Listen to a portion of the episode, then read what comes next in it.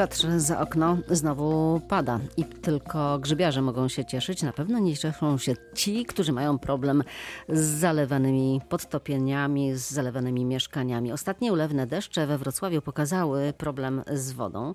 Na zdjęciach od naszych słuchaczy można było obejrzeć zalane podziemne garaże, mieszkania. Dla niektórych lokatorów to była spora niespodzianka, bo kiedy kupowali mieszkania, w słoneczny dzień. Nie było tego widać. Jeden z takich y, przykładów to podwrocławski Smolec. Nie ma tutaj odpowiedniego drenażu i wszystko, co pada dłużej niż dzień czy dwa dni, gromadzi się właśnie w tamtych miejscach. To samo jest zresztą tutaj u nas. Tu się dużo bardzo buduje. Bardzo dużo, to prawda.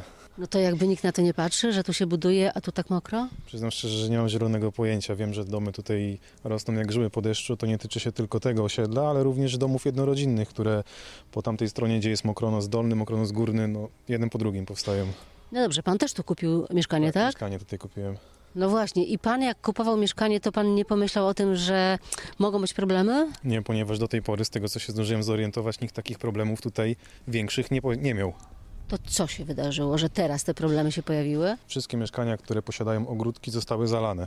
I nie wynika to z tego, że gdzieś tutaj jest rzeka, czy gdzieś tutaj jest strumyk, tylko po prostu prawdopodobnie, bo nikt nam tego tak oficjalnie nie powiedział, są to wody gruntowne, które przeciekają od dołu do podłogi. Wszystko to jest tutaj normalnie, jeżeli pada pół dnia, to wszystko tu jest zalane, wszystko tutaj pływa.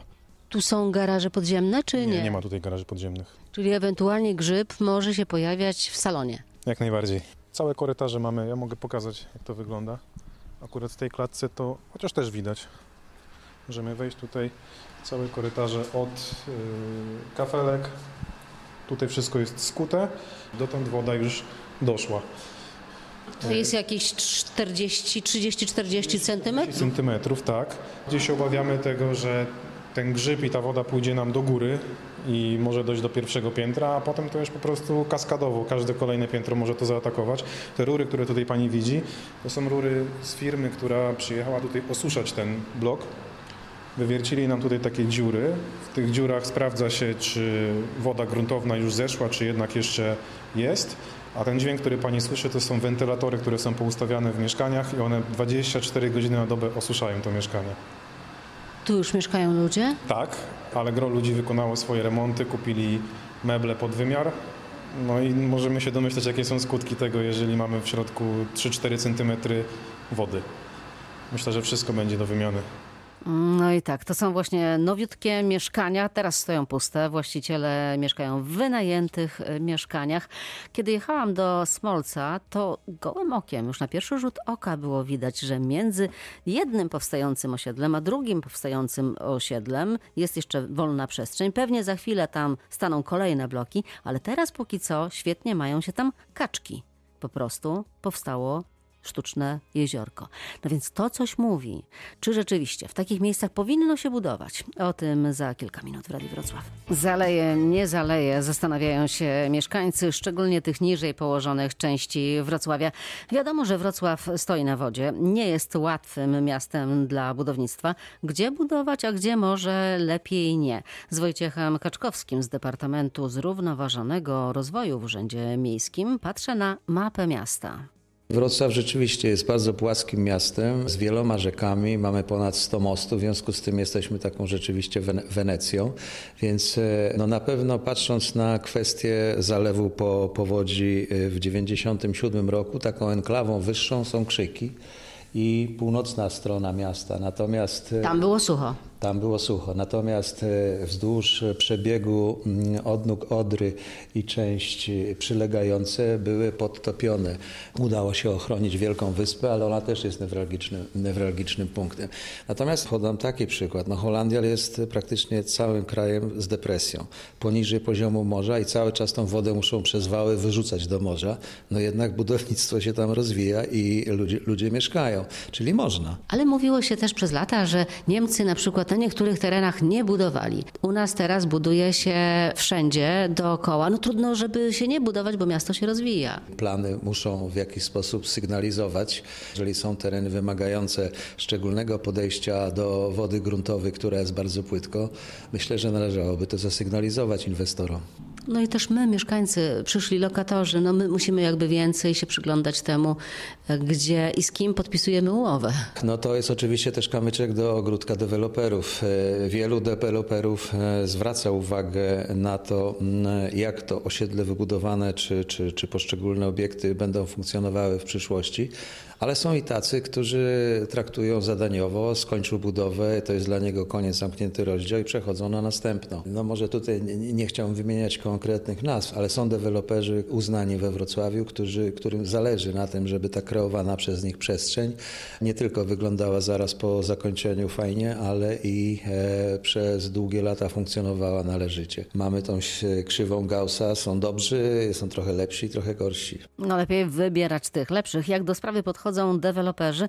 O tym Tomasz Stoga, prezes oddziału wrocławskiego Polskiego Związku Firm Deweloperskich to nie do końca deweloperzy wymyślają miejsca, gdzie budują. To miasto uchwala studium kierunków rozwoju, następnie uchwala plany miejscowe, które mówią w jakim zakresie, na jakich działkach możemy zabudować.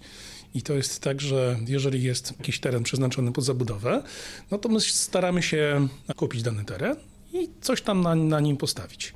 No dobrze, najlepiej byłoby pewnie zbudować dom czy blok na górce, w suchym miejscu. Ale ile takich miejsc jest we Wrocławiu i w okolicach, na obrzeżach Wrocławia? No właśnie, to jest tak, że mieszkamy, gdzie mieszkamy. Ja pamiętam we Wrocławiu powódź 97 rok. I wtedy mówiło się o tym, że niektóre tereny powinny być wyłączone z możliwości zabudowy, bo kto będzie chciał mieszkać, polder zalewowy Kozanowa, Pamiętam, że na niektórych osiedlach, które teraz są kwitnące i fantastycznie, woda stała do, do, do, do 3-5 metrów. No więc umówmy się, miasto nie powinno pozwalać tam budować, a jeśli pozwala, no to miasto powinno zadbać o to, żeby infrastruktura towarzysząca naszym inwestycjom była odpowiednia na takie nawalne deszcze. Czy jak patrzy pan na mapę Wrocławia, to są takie miejsca, gdzie deweloperzy po prostu mówią tylko nie tam? No nie ma złych działek, tylko wszystkie działki wymagają odpowiedniego podejścia. Ale jedna jest tańsza, druga jest droższa w tej e, budowie, bo na takim problematycznym terenie trzeba będzie więcej zainwestować. Wobec tego ten metr kwadratowy będzie droższy, wobec tego nie będzie się to tak dobrze sprzedawało. Byłam wczoraj na, e, w okolicach Smolca, tam się buduje na potęgę. Naprawdę osiedle przy osiedlu, osiedle przy osiedlu. A między tymi osiedlami na polu jest jeziorko. Powstało po deszczach, tam kaczki pływają. Przecież to na pierwszy rzut oka widać, że tam w tych garażach podziemnych będzie woda. Technicznie jesteśmy w stanie zabudować wszędzie każdą działkę. Natomiast, tak jak pani redaktor słusznie powiedziała, koszty tego są różne. Więc jeżeli jest bardzo trudna działka, ale jest w tak fantastycznym miejscu położona, więc my dołożymy należytej staranności. Można, można zrobić e, białą Oj, tam podniesienie ce, podniesiecie cenę za metr po prostu, no nie stracicie na to. Ale to, to, to, to nie jest tak, bo e, portfele naszych klientów nie są z gumy. I to jest tak, że my sobie zdajemy z tego sprawę, e, że ceny nie mogą rosnąć w nieskończoność. Natomiast rzeczywiście działki są, są, są, są drogie i technologia zabudowania w sposób pełni bezpieczny e, nie jest tania. I dlatego kalkuluje się w takich bardzo, bardzo, bardzo mm, prestiżowych e, lokalizacjach. I tam jesteśmy w stanie, przyjmijmy, jeszcze wpakować pewne elementy e, infrastrukturalne, które będą chroniły naszych klientów. Natomiast jeżeli mamy lokalizacje peryferyjne, z racji tego, że są na peryferiach, działka jest tańsza, jest przeznaczona bardziej pod e, mniej zamożnego klienta, no tam te ceny zaczynają się z piątką z przodu i tam się nie da zmieścić tych wszystkich rzeczy infrastrukturalnych, nie da się zbudować białej wanny, e, bo rzeczywiście cena nasza tego nie udźwignie. I potem jest problem. I potem jest problem. Niższa cena, większy problem. Wiadomo, do rozmowy wrócimy za kilka minut. 25 minut po godzinie 20. 20. Słuchamy Radia Wrocławia. Jak to u Państwa? Pada? Zalewa? Nie, to jeszcze nie ten deszcz. Musiałoby trochę mocniej. A tak zdarza się, że mocno, nawalnie pada coraz częściej. Zalania czy podtopienia to problem nie tylko mieszkańców Wrocławia, oczywiście w podwrocławskich Wilczycach na przykład. Lokatorzy mieszkają, sami tak mówią, jak w Wenecji, bo po każdym większym deszczu przed ich domem tworzy się takie mini jeziorko. Mieszkańcy ulicy Spokojnej nie mogą sobie poradzić z wodą, która spływa z położonej wyżej ulicy. Jak mówi jeden z lokatorów, kiedy kupował ziemię, nic nie wskazywało na to, że bez kaloszy nie wyjdzie z domu. Jak deszcz popada, to mamy jeziorko pod domem. Wyjść się z domu nie da. Jesteśmy odcięci od świata. No i tutaj na podjeździe moim, 2-2,5 metra w głąb mojego podjazdu stoi woda, plus cała ulica, tutaj cały narożnik, więc można powiedzieć na szerokości 10 metrów, długości 10-12 metrów. Wszystko spływa tu i nawet spływa to z ulicy Wrocławskiej, z głównej ulicy, bo tam krawężnik jest bardzo niski i to wszystko spływa tutaj i leci aż do mnie pod pod, a wysokość różnica to jest około 2 metrów. Różnica wysokości między główną ulicą a moim podjazdem. Niewątpliwie jest miejsce z problemem. Leszek Jędrzejczuk, Urząd Gminy w Długołęce. Póki te domy nie powstały, to z ulicy był spływ y, w stronę rowu i naturalnie ta woda tam się znajdowała i odpływała. W tej chwili teren został podniesiony przez te domy i automatycznie ten spływ stracił swój naturalny bieg. Jakieś podpisy zbieraliście? Tak? Tak, zebrałem e, podpis osobiście od wszystkich mieszkańców całej ulicy. Zaniosłem do wójta, wójt to przekazał oczywiście do gminy i zero odpowiedzi nawet pisemnej. Gmina, gdy ten problem powstał, zostało to zbadane i zrobiono studnię chłonną. Liczyliśmy, że to pomoże. No teraz temat wrócił obecnie. Okazuje się, że jednak tylko chwilowo ta studnia pomogła. No i następnym elementem, który może pomóc jest wybudowanie kanalizacji deszczowej plus wybudowanie drogi.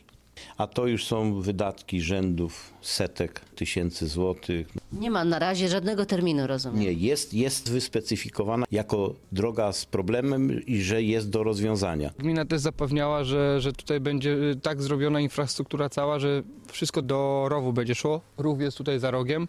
Właściciel tej jednej wolnej działki zgodził się na papierze, nawet do gminy dostarczył taki papier, żeby wzdłuż płotu przelecieć rurę, sączkę i wpiąć się do rowu i to wszystko by uciekało. Wiadomo, jest to problem i to nie jest to, że o ty zawiniłeś, to ty męcz się z tym. Gmina jest po to, żeby pomagać mieszkańcom swoim i na pewno takie decyzje zostaną podjęte. Tylko tak jak mówię, no, to nie jest decyzja osoby prywatnej, która dzwoni po firmę i wykonuje. Są pewne procedury, które trzeba zachować, żeby, żeby te pieniądze wydać. Takie małe jeziorko. Z tej górki wszystko tu spływa, no niestety.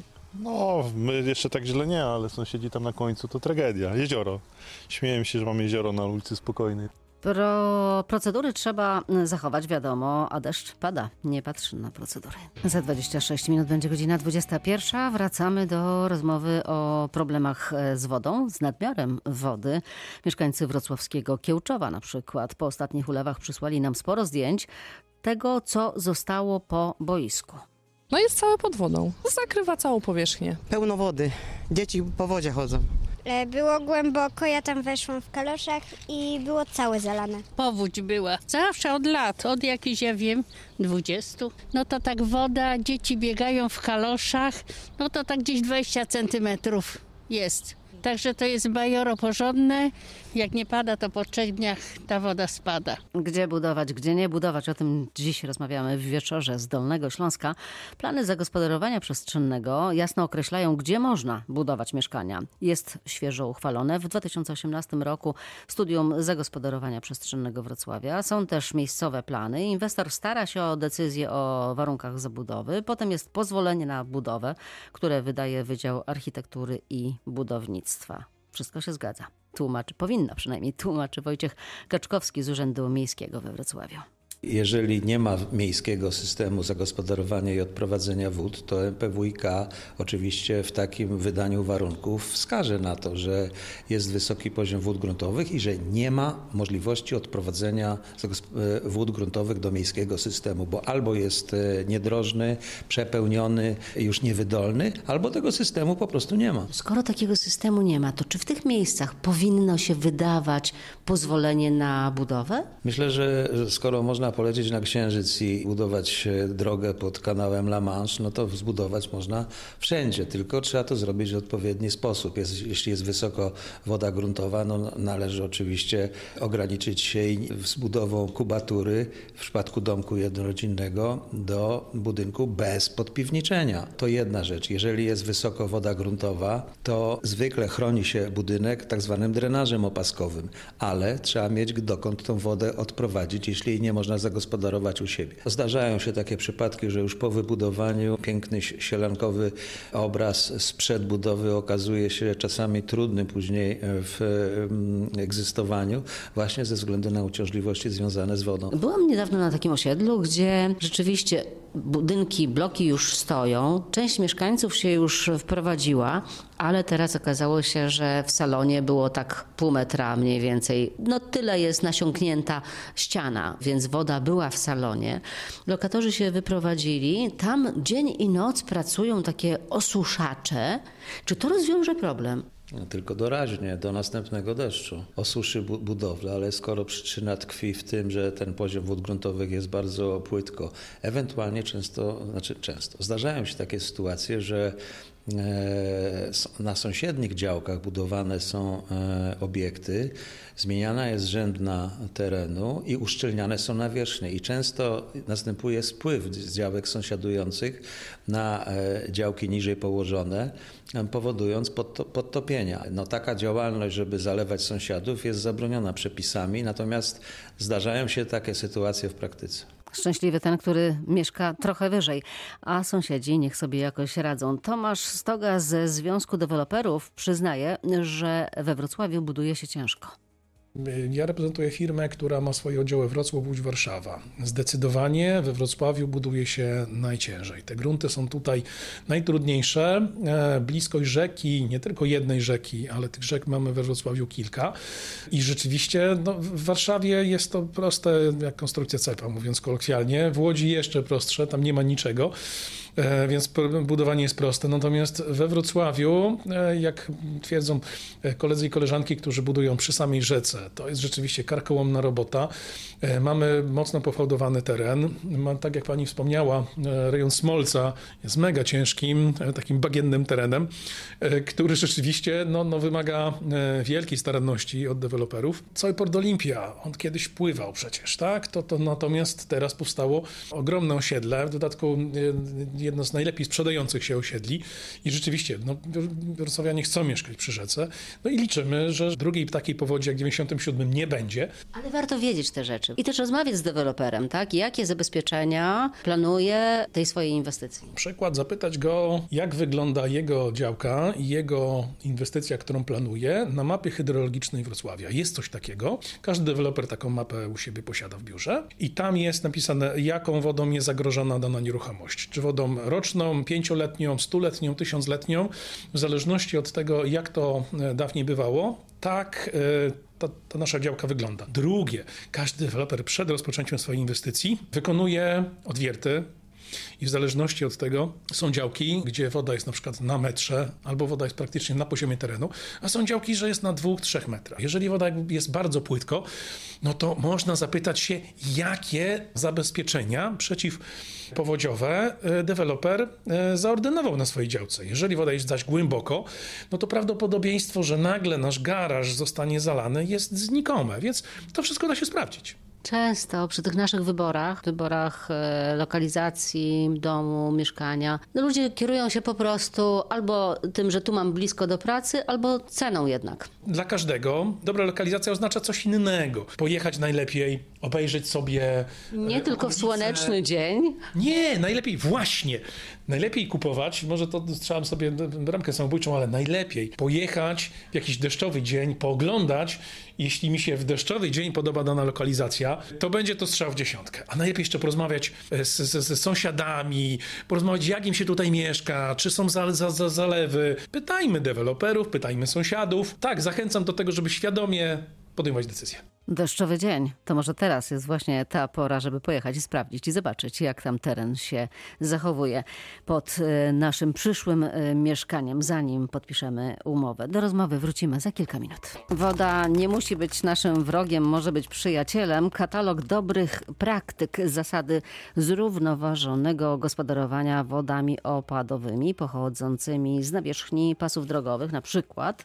Taka książeczka wydana przez Urząd Miejski o podpowiada, jak rzeczywiście wykorzystać e, nadmiar e, wody, żeby ona nam mogła służyć. E, To ta publikacja jest dostępna także w internecie. Przed rozpoczęciem budowy osiedla na przykład warto byłoby się zorientować, jak wygląda sprawa kanalizacji, czy właśnie tego odwodnienia. I o tym Wojciech Kaczkowski z Urzędu Miejskiego.